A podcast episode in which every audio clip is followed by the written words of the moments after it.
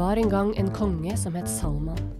Hans kongerike var stort og flott med masse rikdom og flytende sort gull.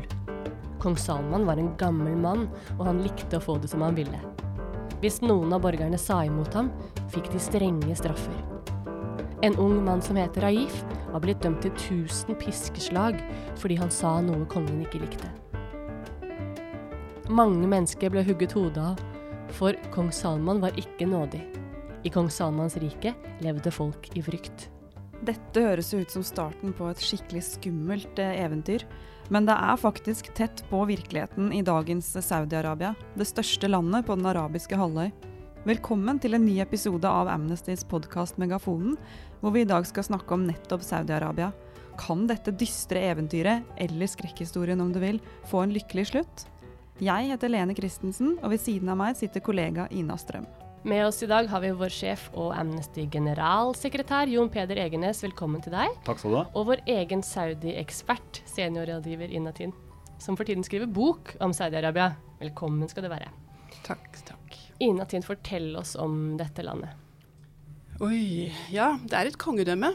Eh, akkurat som det norske. Og vi og har olje, og det har også saudiaraberne. Men rent bortsett fra de to likhetene, så vil jeg si at det er et veldig annerledes land enn det norske. Eh, Saudi-Arabia er et enormt geografisk område. Et av de aller største landene i Midtøsten og Nord-Afrika. Men det er stort sett bare sand. Men under den sanden så ligger det da det svarte gullet, som har gjort at det landet er blitt enormt betydningsfullt. Har stor innflytelse på det som skjer i Midtøsten. Det er også de to helligste byene i islam. De ligger også i Saudi-Arabia, og det er veldig viktig. Eh, det er Mekka, der islam ble til, der Mohammed fikk sine åpenbaringer. Og så er det Medina, der han skapte det første uh, islamske samfunnet. Og det er nettopp den rollen som på en måte vokter av helligdommene i islam, som sauderne bruker veldig aktivt. Uh, så det er et land som er på en måte grunnlagt på makten til én klan i den arabiske ørken, som heter al-Saud. Og de har da tatt makten, og så kaller de landet for sitt, sin families navn. Det er litt spesielt, det fins ikke noe annet land i verden som gjør det. Saudi-Arabia, altså saudenes Arabia. Um, og de har fått på en måte legitimitet ved å si at de har kjempet for islam, en spesiell versjon av islam, som heter wahhabismen. og Det er fordi det var han, en predikant på 1700-tallet som het Mohammed ibn Abdel Wahhab. Og det var han som skapte det navnet wahhabismen som da saudene eh, skal vi si, de, de, kjempet med sitt sverd eh, for å spre denne formen for islam. Så det er fremdeles det saudene, altså familien, saud-familien, legitimerer sin makt med, det er at de sier at de sprer islam og de opprettholder et, eh, et uh, gudfryktig samfunn. Men det er faktisk en familiebedrift. Altså Saudi-Arabia er en familiebedrift, og de har enorme rikdommer. Det er de største oljeforekomstene i verden. Saudi-Arabia er verdens største oljeeksportør. Og da kommer vi inn i problemene, fordi at det er enorme menneskerettighetsproblemer i Saudi-Arabia. Kjempestor undertrykkelse av mange forskjellige grupper. Og det er taust, så å si, eh, i det internasjonale samfunnet om de problemene. Og det skyldes oljen og Saudi-Arabias både økonomiske og politiske makt. Men det er jo ett sted hvor det ikke er taust, da. Og det er jo foran den saudi-arabiske ambassaden første fredagen i måneden. Så om vi er litt hese i stemmen i dag, så er det fordi vi har stått utafor den ambassaden og skriket så høyt vi bare kan. Stopp the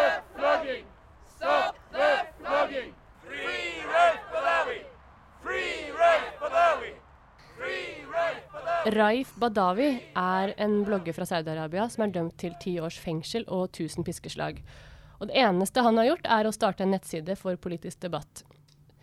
Så 9.1.2015 um, fikk han de første 50 piskeslagene, og siden så har Amnesty-aktivister over hele verden protestert jevnlig foran de saudiske ambassadene. Og her i Norge så sto vi der hver eneste bidige fredag i hele fjor og i år så fortsetter demonstrasjonene hver første fredag i måneden. Sånn er det jo bare. Er du her i dag igjen? Ja, jeg er her i dag igjen. det må jeg bare.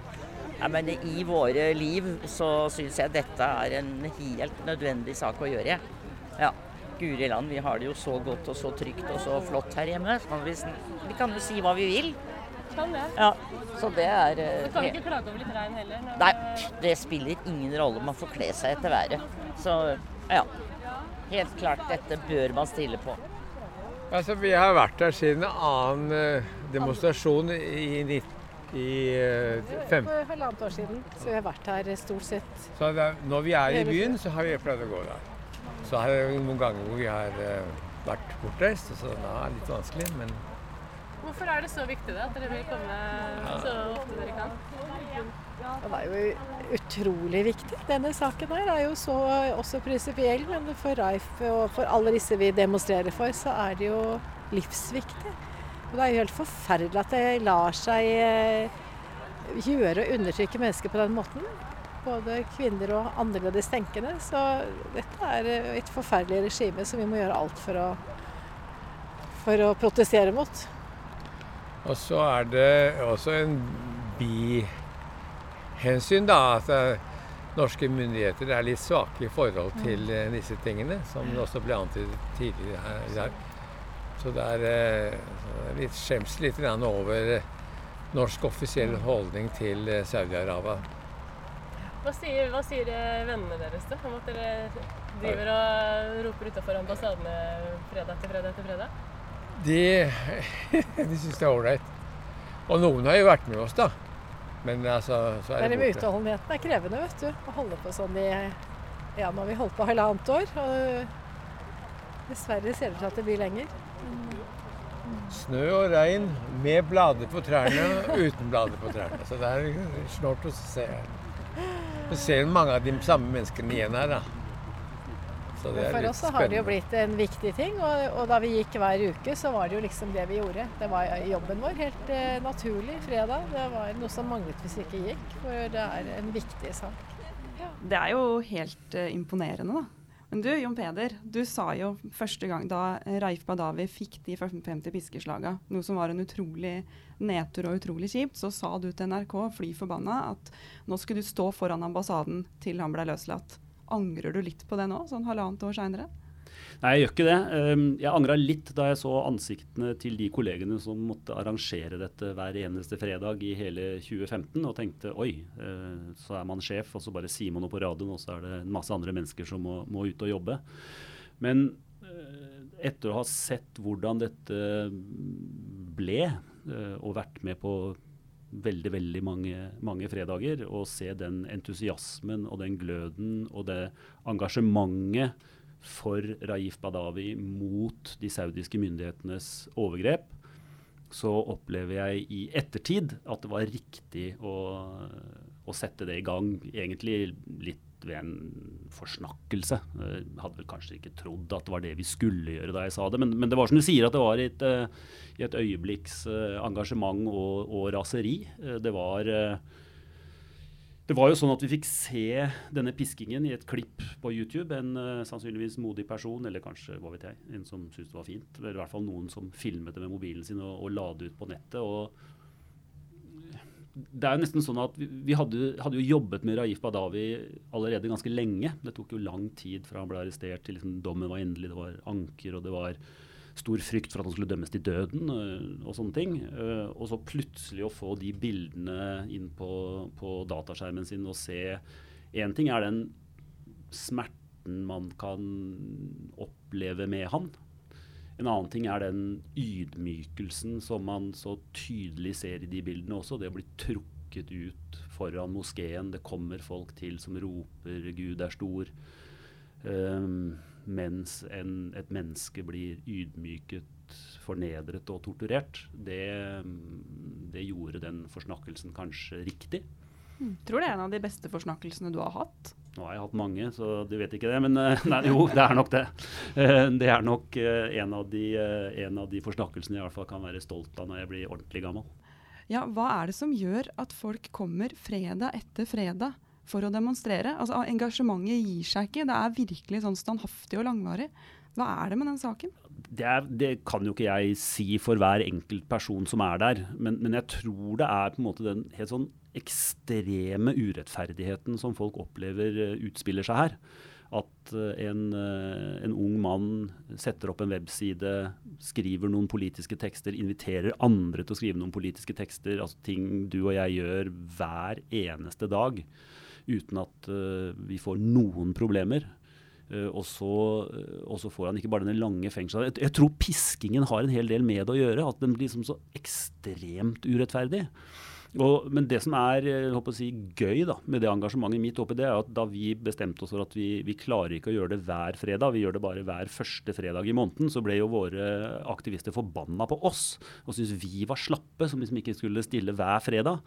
Uh, og dette er jo folk i, Mange av dem er jo veldig godt voksne, men, men det er folk i alle aldre. Og, og, folk som skulker litt av jobben sin for å være der klokka ni uh, da tidligere hver fredag, nå hver første fredag i måneden. Uh, og andre som tar av fritida si. og Det er på en måte en, en helt Jeg skulle ønske vi kunne klare å få til det i, i mange andre sammenhenger òg. For det er på en måte, det viser hvilket potensial det er da, for det å, å virkelig bare standhaftig, fredelig, eh, tydelig, med høy stemme, protestere mot blodig urettferdighet, bokstavelig talt.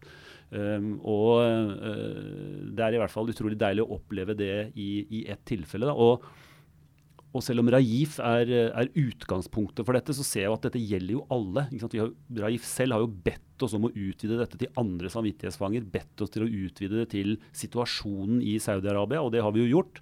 Og, og, jeg tror folk er akkurat like opptatt av å forhindre at Norge eksporterer forsvarsmateriell til Saudi-Arabia, som de er til uh, å, å, løsla, uh, å, få Raif løslatt, selv om det på en måte er utgangspunktet og kanskje det som uh, kommer til å utløse jubelen i den gjengen.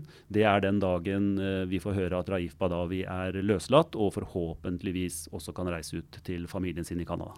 Det er jo eh, en fin overgang tilbake til deg igjen, eh, Ina. For det er jo da, som Jon Peder sier, det er jo ikke bare Raif Badawi som sitter fengsla i Saudi-Arabia fordi han har sagt hva han mener. Det er jo det her du skriver om i boka di. Ja, det er det jeg skriver om. Uh, og det er dessverre mer enn nok saker å ta av. Fordi den undertrykkelsen som Raif Badawi er blitt utsatt for, den er bare symptomatisk for et regime som rett og slett tar alle de som ikke bare ytrer seg kritisk i forhold til regimet, for det har faktisk ikke Raif Badami gjort. Det han har gjort, han, er, han har åpnet opp for en debatt om moral, om sosiale forhold, om kvinners rettigheter uh, og sånne ting. Uh, og det er for farlig for uh, regimet at folk uttaler seg fritt. Så det er nesten uansett hva du sier, bare du bruker din frihet til å ytre deg, så kan du rammes. Uh, så det er kvinner som har demonstrert for retten til å kjøre bil. De er blitt tatt. Altså Menneskerettighetsaktivister blir definitivt tatt. Folk som ja, nærmest kommer med vitser om, om profeten Mohammed, blir tatt. Uh, ikke minst blir shiaene, altså shia-muslimer i Saudi-Arabia er en liten minoritet som er veldig systematisk undertrykket. De blir tatt hvis de uttrykker seg og vil ha sine lov til å ha sine moskeer og, og sine religiøse fester. De blir tatt. Altså det er jevnt over så skal du ikke stikke hodet frem i det hele tatt uh, før du risikerer uh, å bli tatt av regimet og dømt til veldig, veldig lange fengselsstraffer, og til dels også til døden.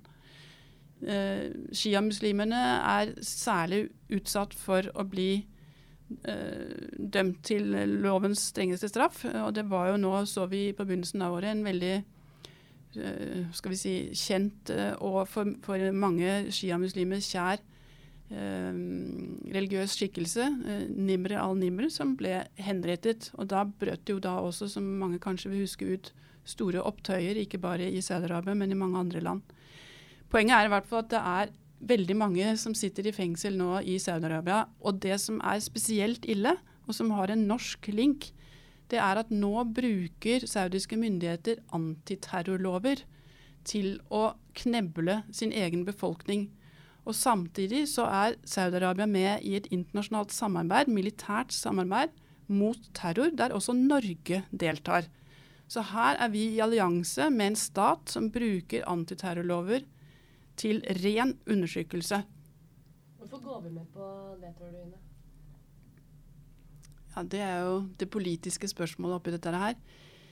Jeg tror, og det er vel ikke veldig originalt å tro det, at vi gjør det fordi vi vil være venn med USA. Og Saudi-Arabia er den nærmeste allierte til USA i Midtøsten.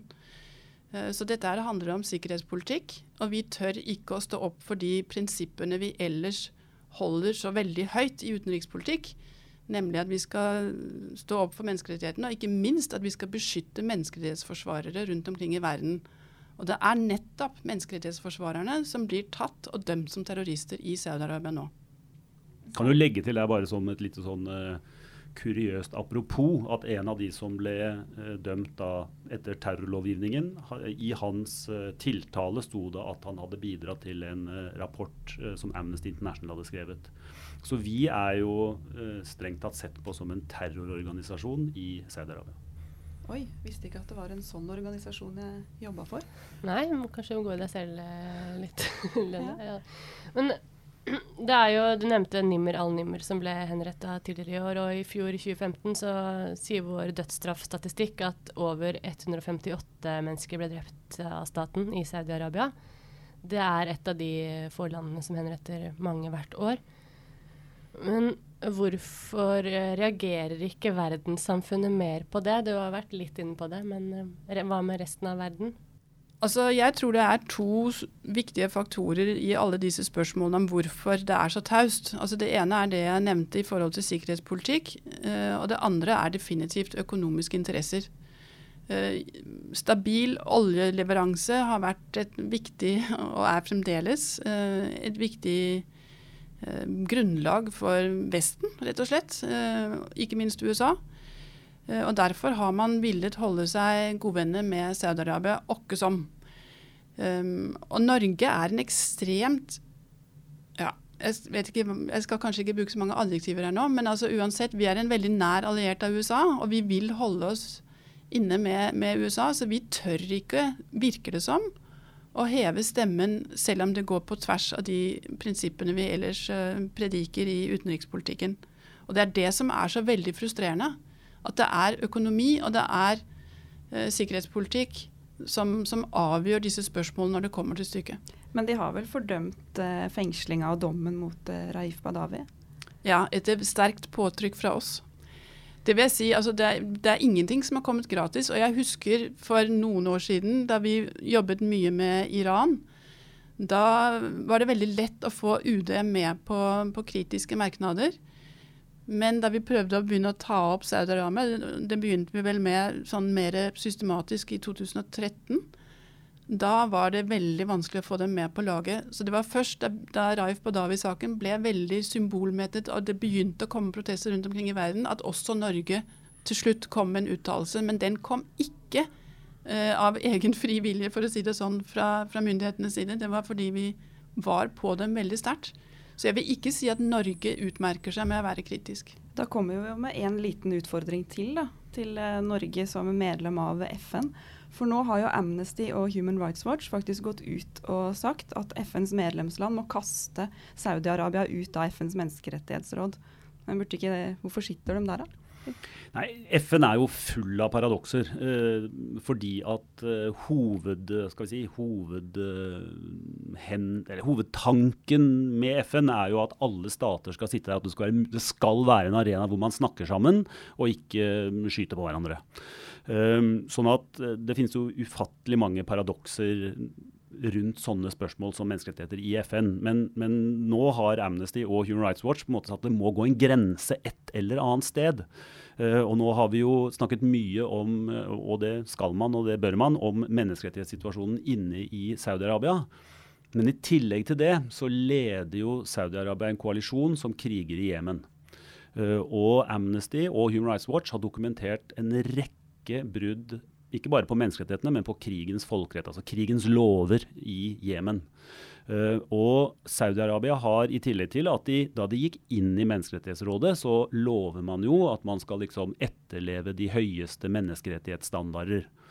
Men i tillegg til å åpenbart ikke gjøre det, som man jo i rettferdighetens navn må si at det er mange andre som sitter i Menneskerettighetsrådet som heller ikke gjør, så har Saudi-Arabia helt aktivt blokkert det internasjonale samfunnet fra å granske hva som foregår inne i Jemen.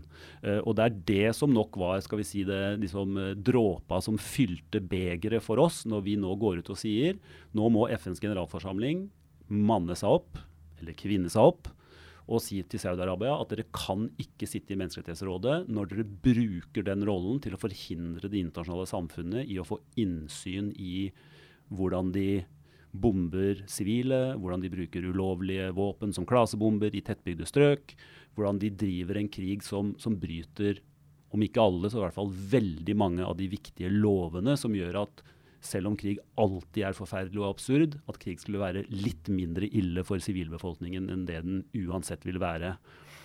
Sånn at det, det, har rett og slett bare kommet dit at, at kombinasjonen av den beskrivelsen av menneskerettighetssituasjonen som vi har hørt fra Ina, og krigen de leder i Jemen, har gjort at det er umulig å sitte stille og se på at de samtidig skal forvalte menneskerettighetene i FNs viktigste organ for menneskerettigheter. Men hvordan er det de egentlig kan gjøre den blokkeringa? For det skjønner ikke jeg helt. Kan de bare si nei, ikke ja, se hva vi gjør det hjemme? Det som helt konkret skjedde, var at uh, jeg tror det var Nederland la, la fram et forslag, en resolusjon som det heter, et vedtaksforslag i Menneskerettighetsrådet om at det skulle settes ned en internasjonal granskningskommisjon for å, for å granske situasjonen i Jemen.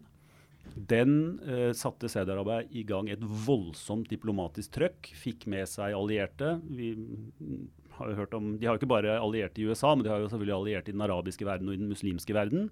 Eh, og fikk stanset den, og fikk i stedet lagt fram et, et vedtaksforslag om at eh, den Eh, lovlige regjeringen, som de jo er på siden til, det skal sies, i Jemen skulle gjøre en intern gransking av dette. og Da, da kan du egentlig bare si at Saudi-Arabia skal se på seg selv, i virkeligheten. Um, og det er rett og slett bare den makten de har i kraft av sin posisjon i Midtøsten eh, og Nord-Afrika, i kraft av sin rikdom, ble bare helt kynisk brukt til å stoppe det internasjonale samfunnet i å få innsyn i hva de faktisk driver med der.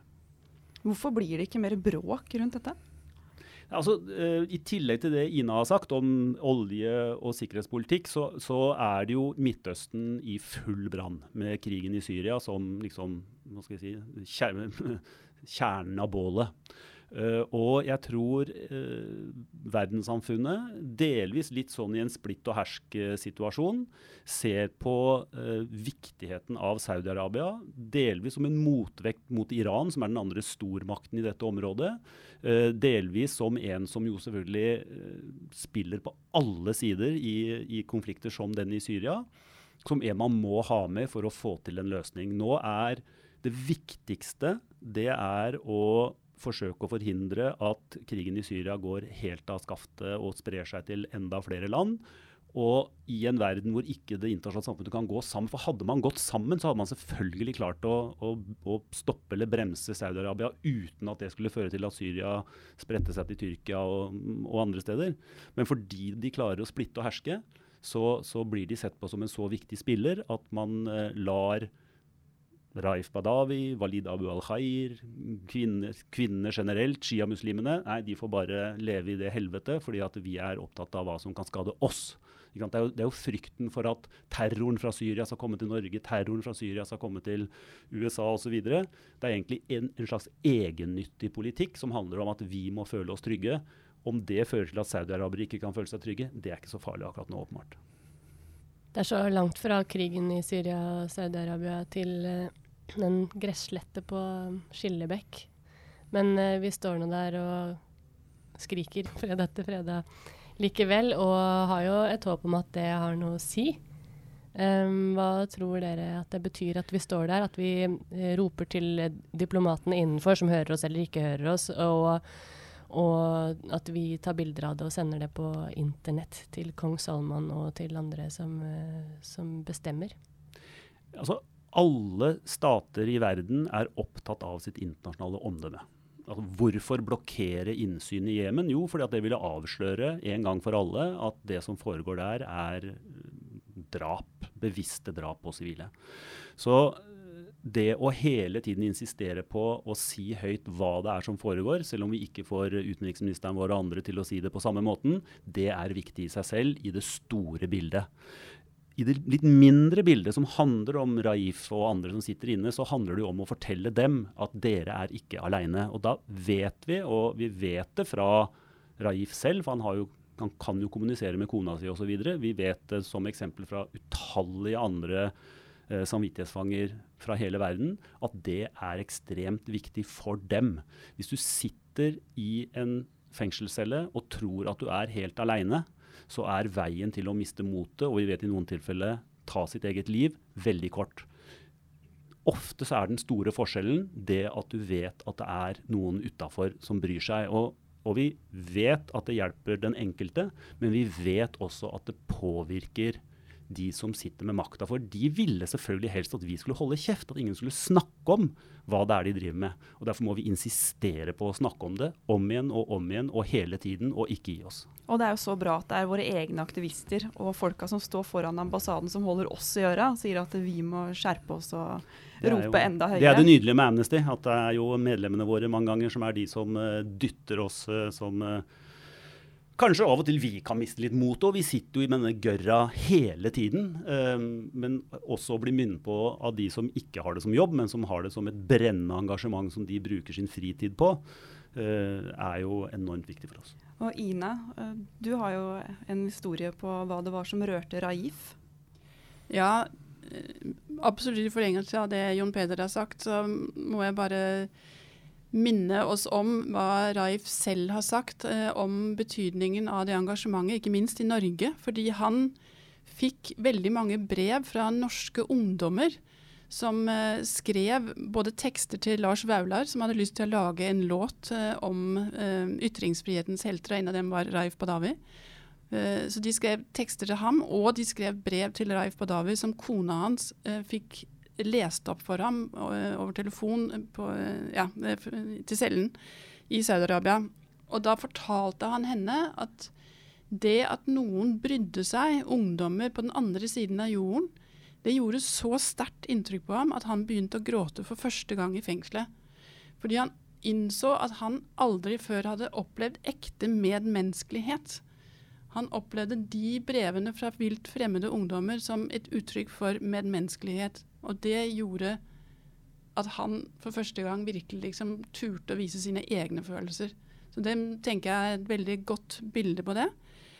Uh, og så er det jo også det faktum, som vi kanskje ikke har nevnt nå, og det er at Raif Badawi ikke har blitt pisket siden folk begynte å stå og protestere foran ambassader rundt omkring i verden. Han fikk 50 piskeslag en januarfredag i fjor, i 2015.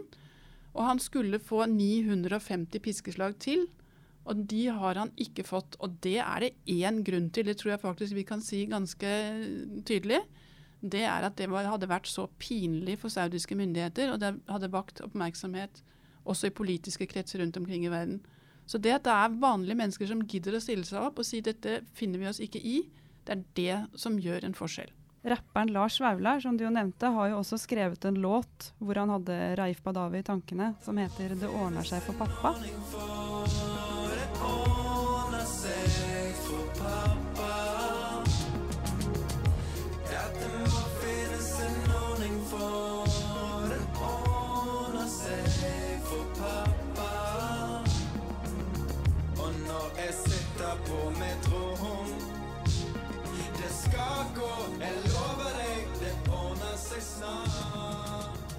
Raifs kone Ensaf og de tre barna hans har jo flykta til Canada. Og Ensaf kjemper jo for å få kjæresten sin hjem igjen, og for at barna skal få pappaen tilbake. Og Jon Peder og Ina, vil det ordne seg for pappa? Vi, vi tror på det. Altså jeg, jeg, han skal ikke sitte i fengsel i ti år. Eh, jeg skal i hvert fall gjøre alt jeg kan, og jeg vet at det er ganske mange andre i denne byen her og mange andre steder i verden som tenker akkurat som meg. Han skal ikke sitte inne i ti år. Han skal ikke få de 950 piskeslagene som han egentlig skal få i tillegg. Uh, og vi skal i hvert fall gjøre alt vi kan uh, for at Raif kommer ut av fengsel, og at han får reise til Canada. For jeg tror ikke det er noen grunn til å engang ønske foreløpig at de skal gjenforenes i Saudi-Arabia. I studio i dag så var Jon Peder Egenes, Ina Tinn, Ina Strøm og Lene Christensen. Vi avslutter denne utgaven av podkasten vår Megafonen med å rette en stor takk til alle de flotte menneskene som engasjerer seg så sterkt for menneskerettighetssituasjonen i Saudi-Arabia, og for Raif Badawi. Dere er helt rå. Sånn er det bare. Så får vi håpe det nytter. Rett og slett. Ja. Ses om en måned, da. Hva sa du? Vi ses om en måned igjen. Ja, ja, ja. Jeg skal prøve å smette det inn. Ja, veldig bra. Ja.